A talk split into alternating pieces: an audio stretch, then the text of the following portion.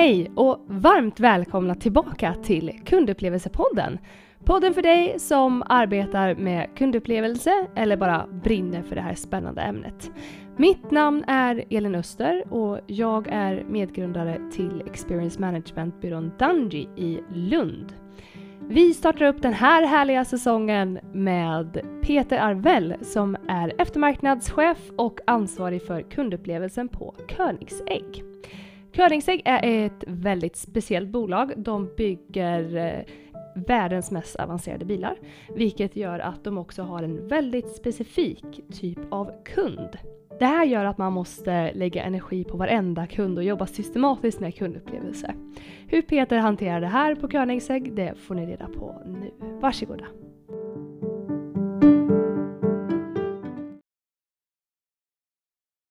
Peter, varmt välkommen till Kundupplevelsepodden.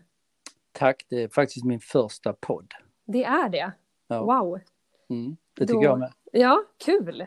Men eh, då får du börja med att berätta om vem du är och din bakgrund.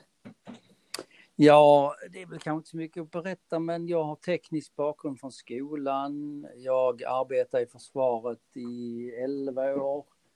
Jag, eh, där la jag grunden till, kan man säga, allt det andra arbete jag har gjort på den civila marknaden efteråt. Mm.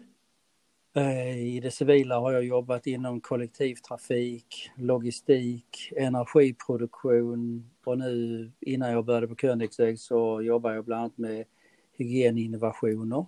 Mm -hmm. Där det passat ganska bra med tanke på pandemin nu. Ja, för den delen. just det.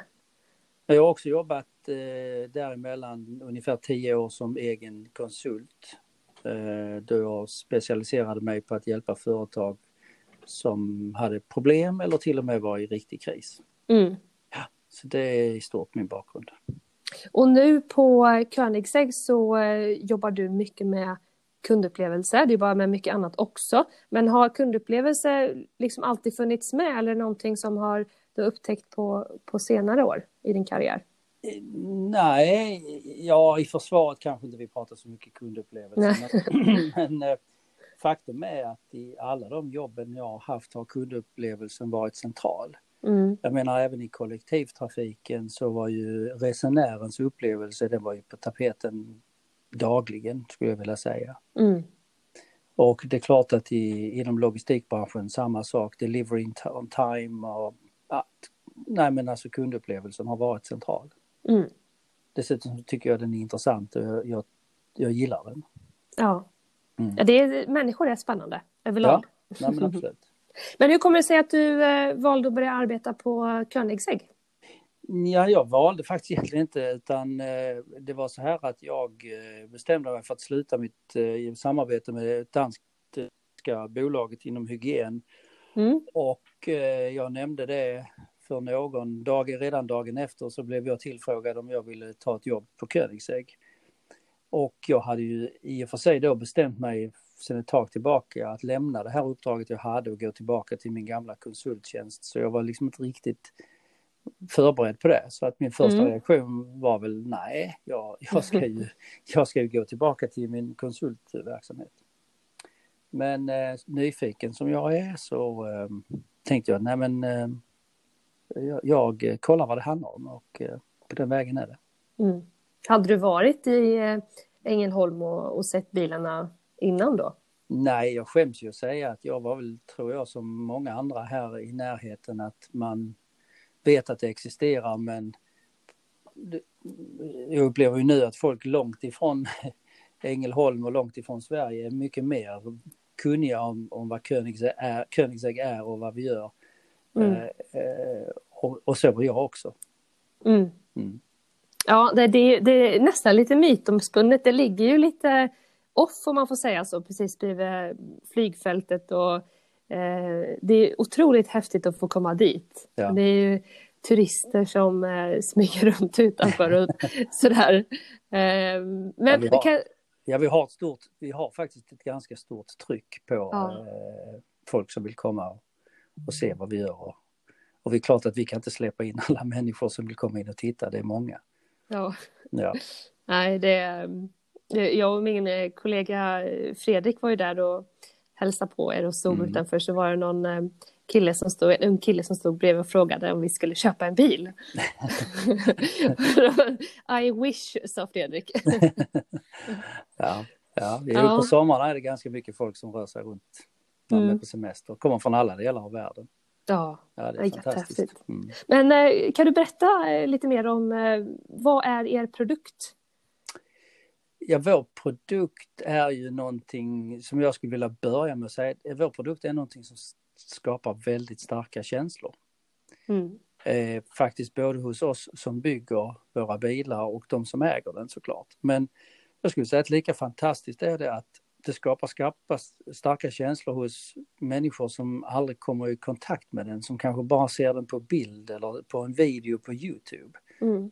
Um, så det är någonting som jag har lärt mig sedan jag började på, på Koenigsegg, hur starka känslor ett sånt här varumärke och de produkterna vi bygger. Men jag kan också svara såklart att vi bygger, ett tek, vi bygger tekniska vidunder som ofta eller alltid innehåller någon eller några egna tekniska innovationer.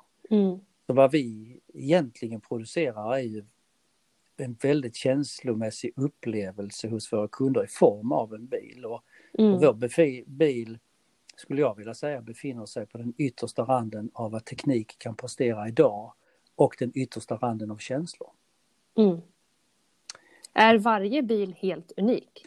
Nej, Eh, ju mer företaget har utvecklats, ju mer lika är varje bil som produceras av samma modell. I mm. början mm. av Koenigsegg's start så fick man lite grann nästan ta vad man fick tag i så det kan innebära att vissa bilar innehåller delar eller från tillverkare som som är olika. Men mm. eh, idag kan man säga att bilarna är förvisso handbyggda men de innehåller samma saker.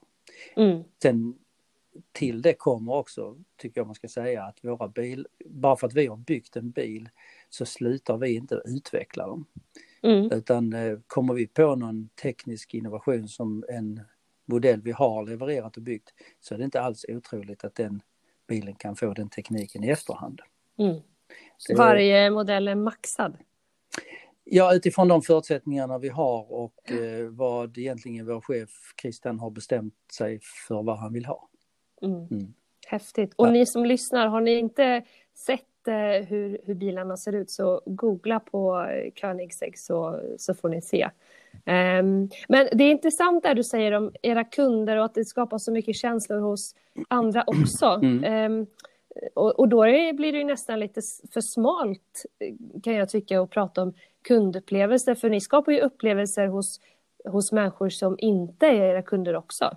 Alltså jag, jag måste få berätta en, en upplevelse som gjorde att jag verkligen fick en aha-upplevelse över hur, hur starkt det här är. Mm. Eh, vi har levererat i storleksordningen 200 bilar sedan företaget byggdes och det jämför då med de bilmärken som vi jämförs med, Bugatti och Lamborghini och dem, så det, det är ju inte, de tillverkar ju tusentals bilar per år.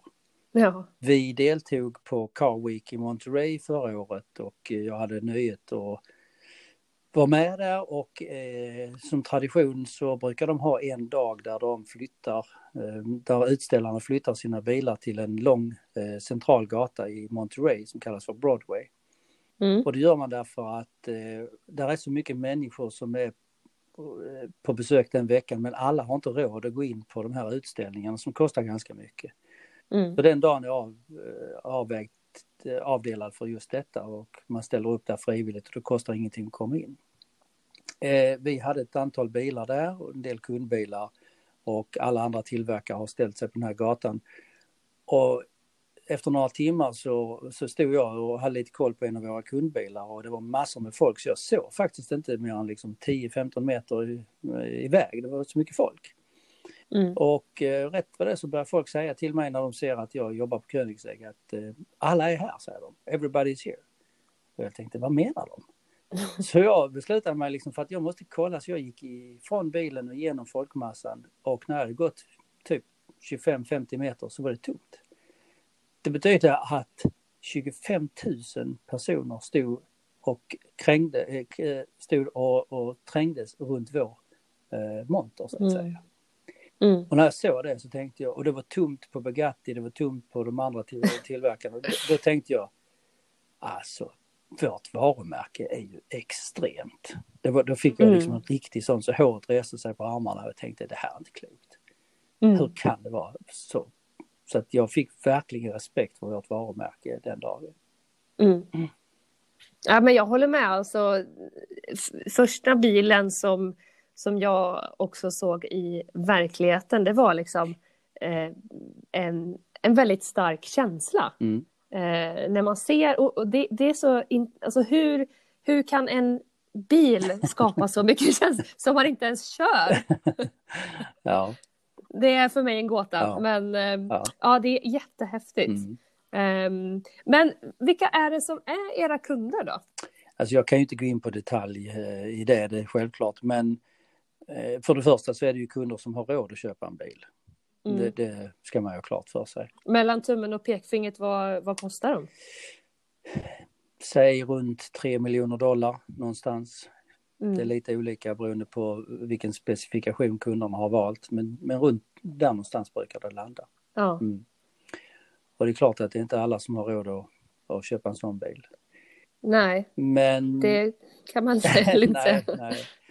Eh, men jag skulle säga så här att eh, det är en blandning av eh, människor som verkligen letar efter någonting unikt. En del ser det som en investering. För många av dem är det ett genuint tekniskt intresse som förenar våra kunder.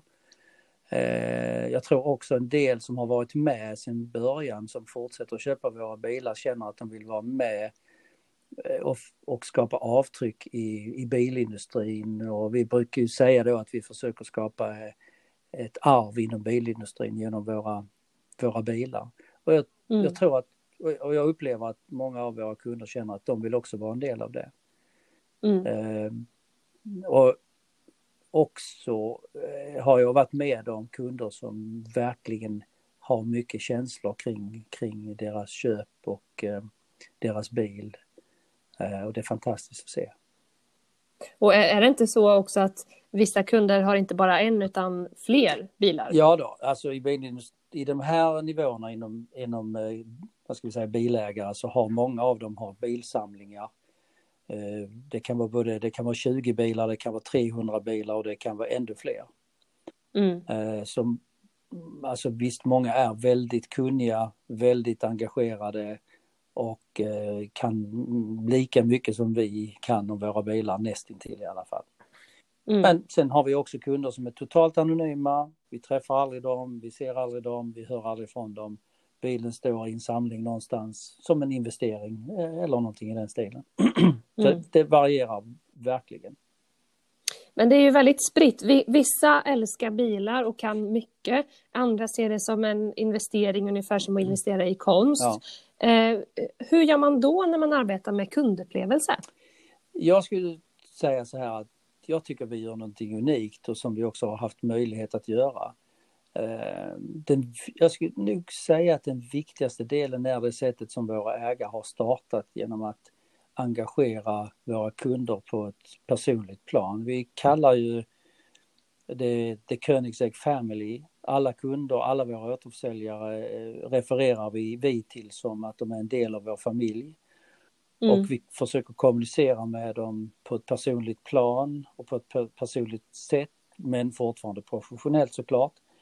Och jag upplever, och jag tror att det är en del av vår framgång, att våra kunder upplever att de är även känslomässigt engagerade i företaget som sådant, inte bara i bilarna. Det är Mm. klart att det finns mer eller mindre av det, men jag tycker att det är en stor del av vår kundupplevelse att eh, vi har, vi har lite kul därför att en del av våra kunder väljer, ah, eh, vi erbjuder ju alla kunder när de köper en bil att komma att konfigurera den på fabriken. Mm. En del kunder har ju möjligheten att flyga i sina egna plan till oss och landar Mm. ute på flygplatsen. Och det, de tycker det är väldigt kul att vi har en egen flygplats och att vi har en egen testbana precis utanför fönstren. Ja. Eh, Sen är kanske inte sanningen att den är helt och hållet vår egen, men, men det upplevs ändå som väldigt eh, eh, fiffigt och charmigt att vi faktiskt har det som biltillverkare. Mm. Mm. Ja, verkligen. Ja. Vad, är, vad är den största utmaningen eh, med att hantera just era kunders upplevelse? Alltså, det, jag skulle säga att det är de starka känslorna. Um, det, vi har, våra kunder och våra återförsäljare har lika höga förväntningar på oss som företag som de har på våra bilar och vi, vi måste leva upp till det. Um, men annars, jag upplever inte det egentligen som ett problem faktiskt. Eh, mm. Jag upplever det nästan till enbart som positivt därför att det innebär ju att vi hela tiden måste tänka på att steppa upp, eh, göra saker och ting bättre, lyssna på våra kunder och utvecklas hela, hela tiden. Och mm. tack vare att vi har en personlig relation med många av våra kunder så får vi också väldigt mycket kreativ feedback. Mm. Eh, många av våra kunder betraktar sig som ska vi säga, ambassadörer för bilmärket.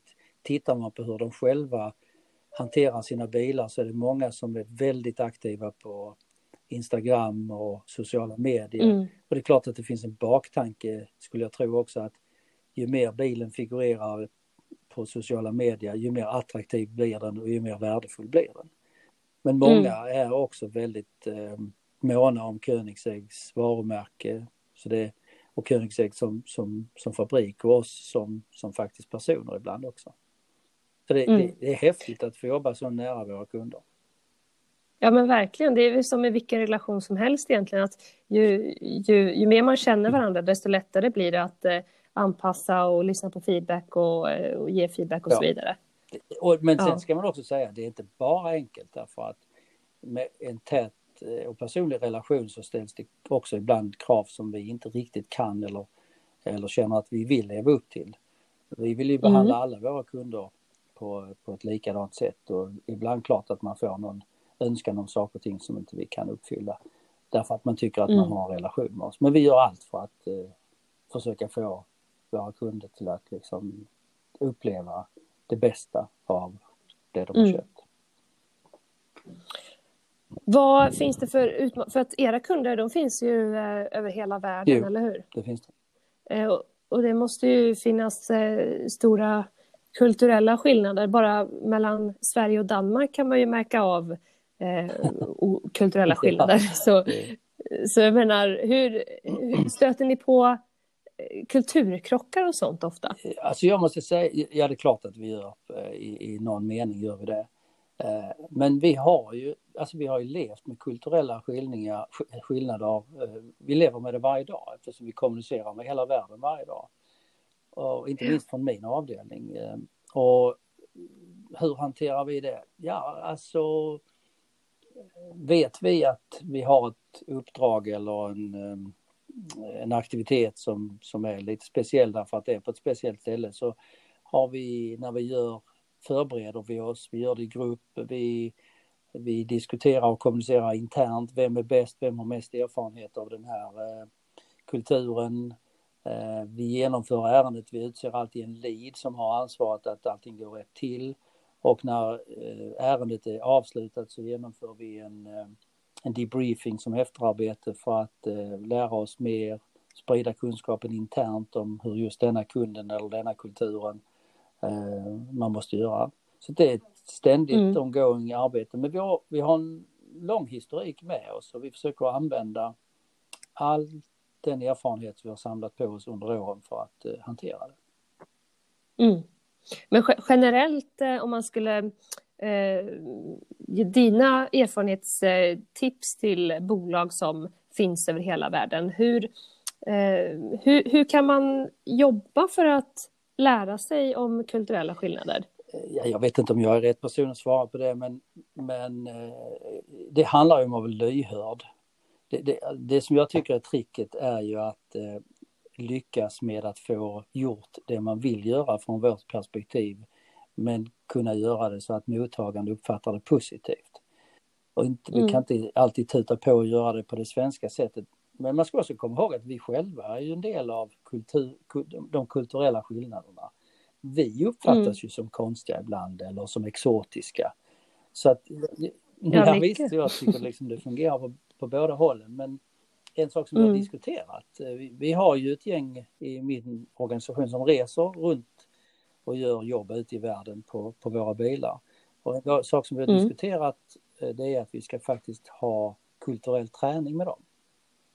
Mm. Så att eh, vi ska ta hjälp utifrån att eh, gå igenom de olika kulturella skillnaderna i de länder där vi har som mest att göra eller där det är som mest, eh, där det skiljer sig som mest.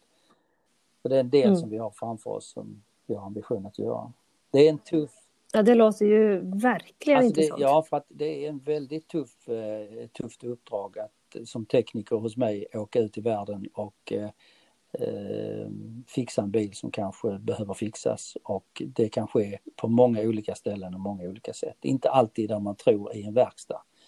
Det har hänt många lustigheter där och, då, Mm.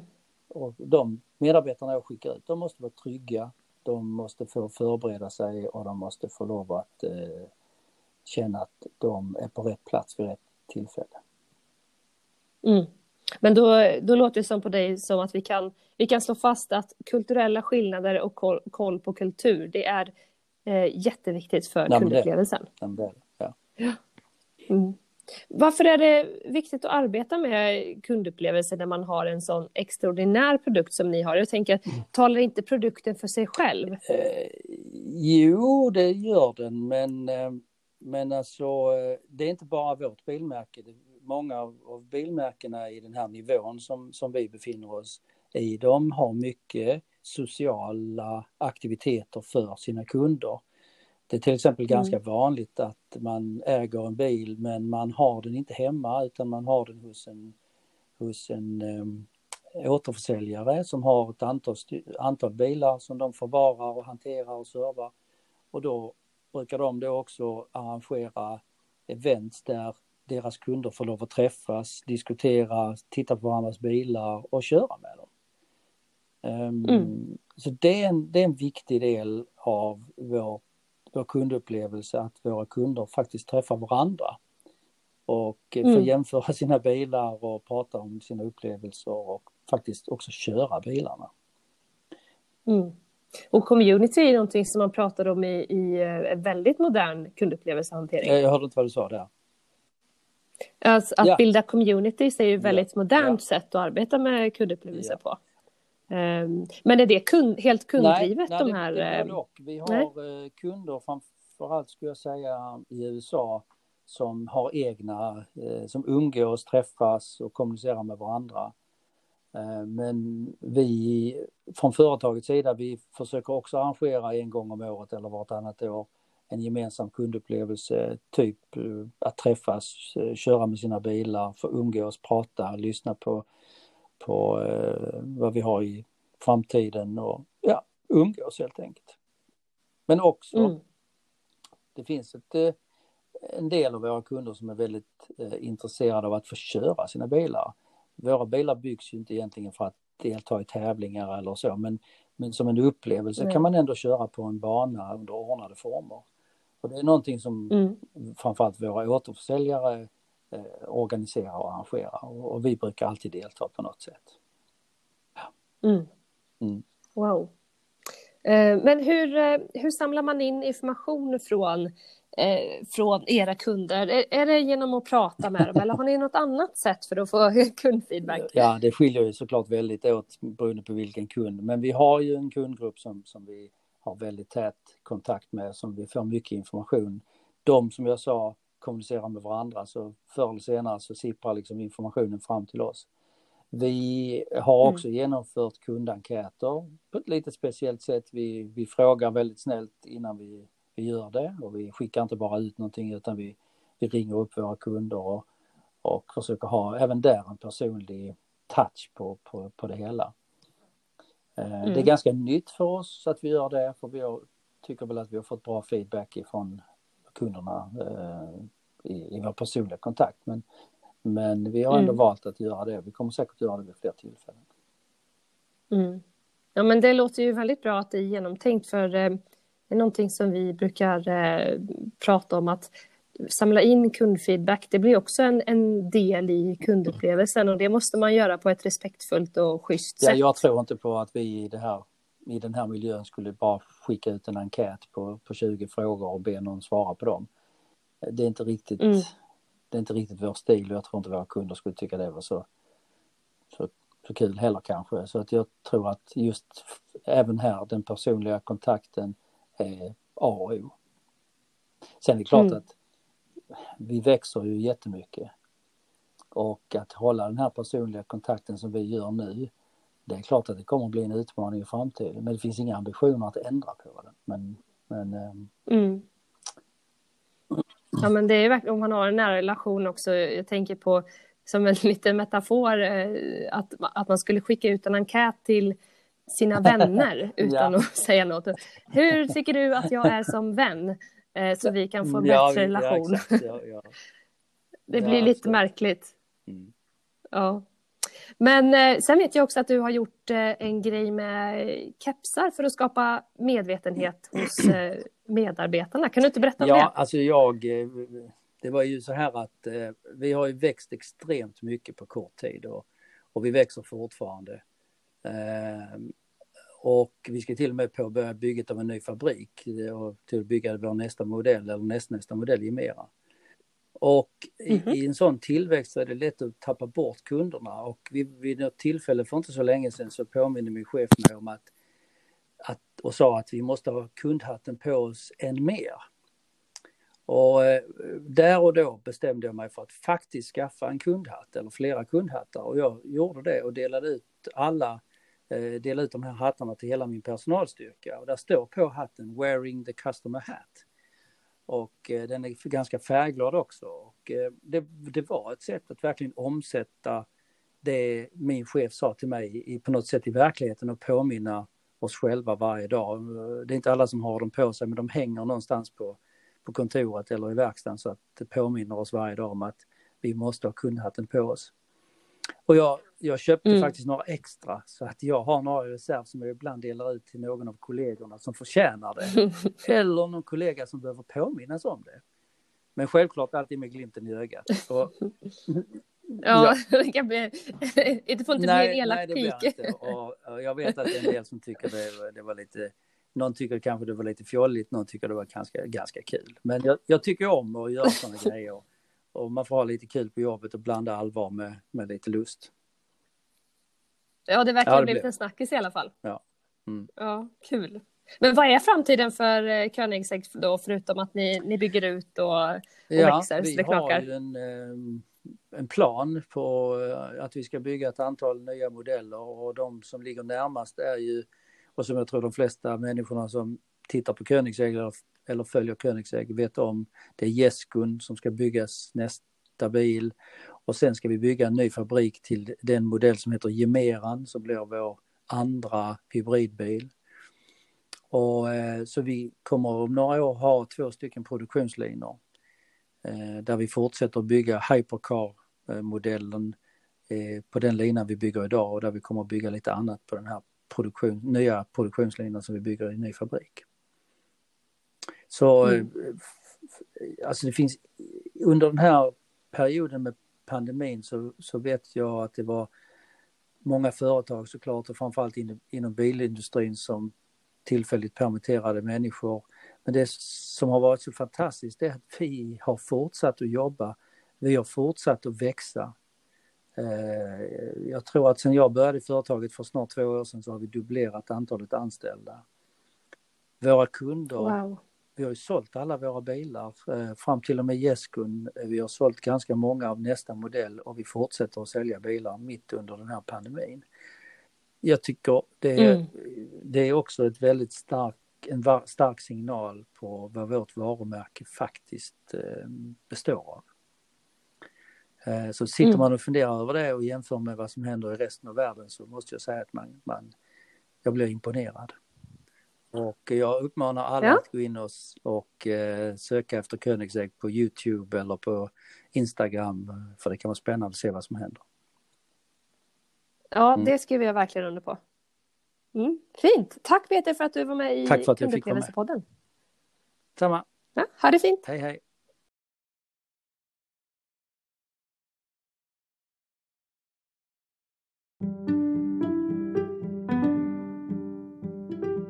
Ja, jag tycker det här med kepsen är en sån genial och samtidigt enkel idé. Ett sätt att symbolisera hur viktig kundupplevelsen är för varje medarbetare på ett bolag och att man jobbar tillsammans med kundupplevelsen. Jag tyckte också det var väldigt intressant att höra Peters eh, reflektioner kring det här med kultur och hur man, hur man ser till varenda enda kunds behov eh, och eh, kan individanpassa kundupplevelsen till det. Och hur man förhåller sig till en produkt som är en av världens bästa och mest avancerade. Om ni vill prenumerera på Kundupplevelsepodden så gör jättegärna det på eh, Spotify eller i din poddapp. Och eh, vill du veta mer om oss på Dungy så kan du surfa in på www.dungy.se. Ha det så bra så hörs vi nästa vecka. Hejdå!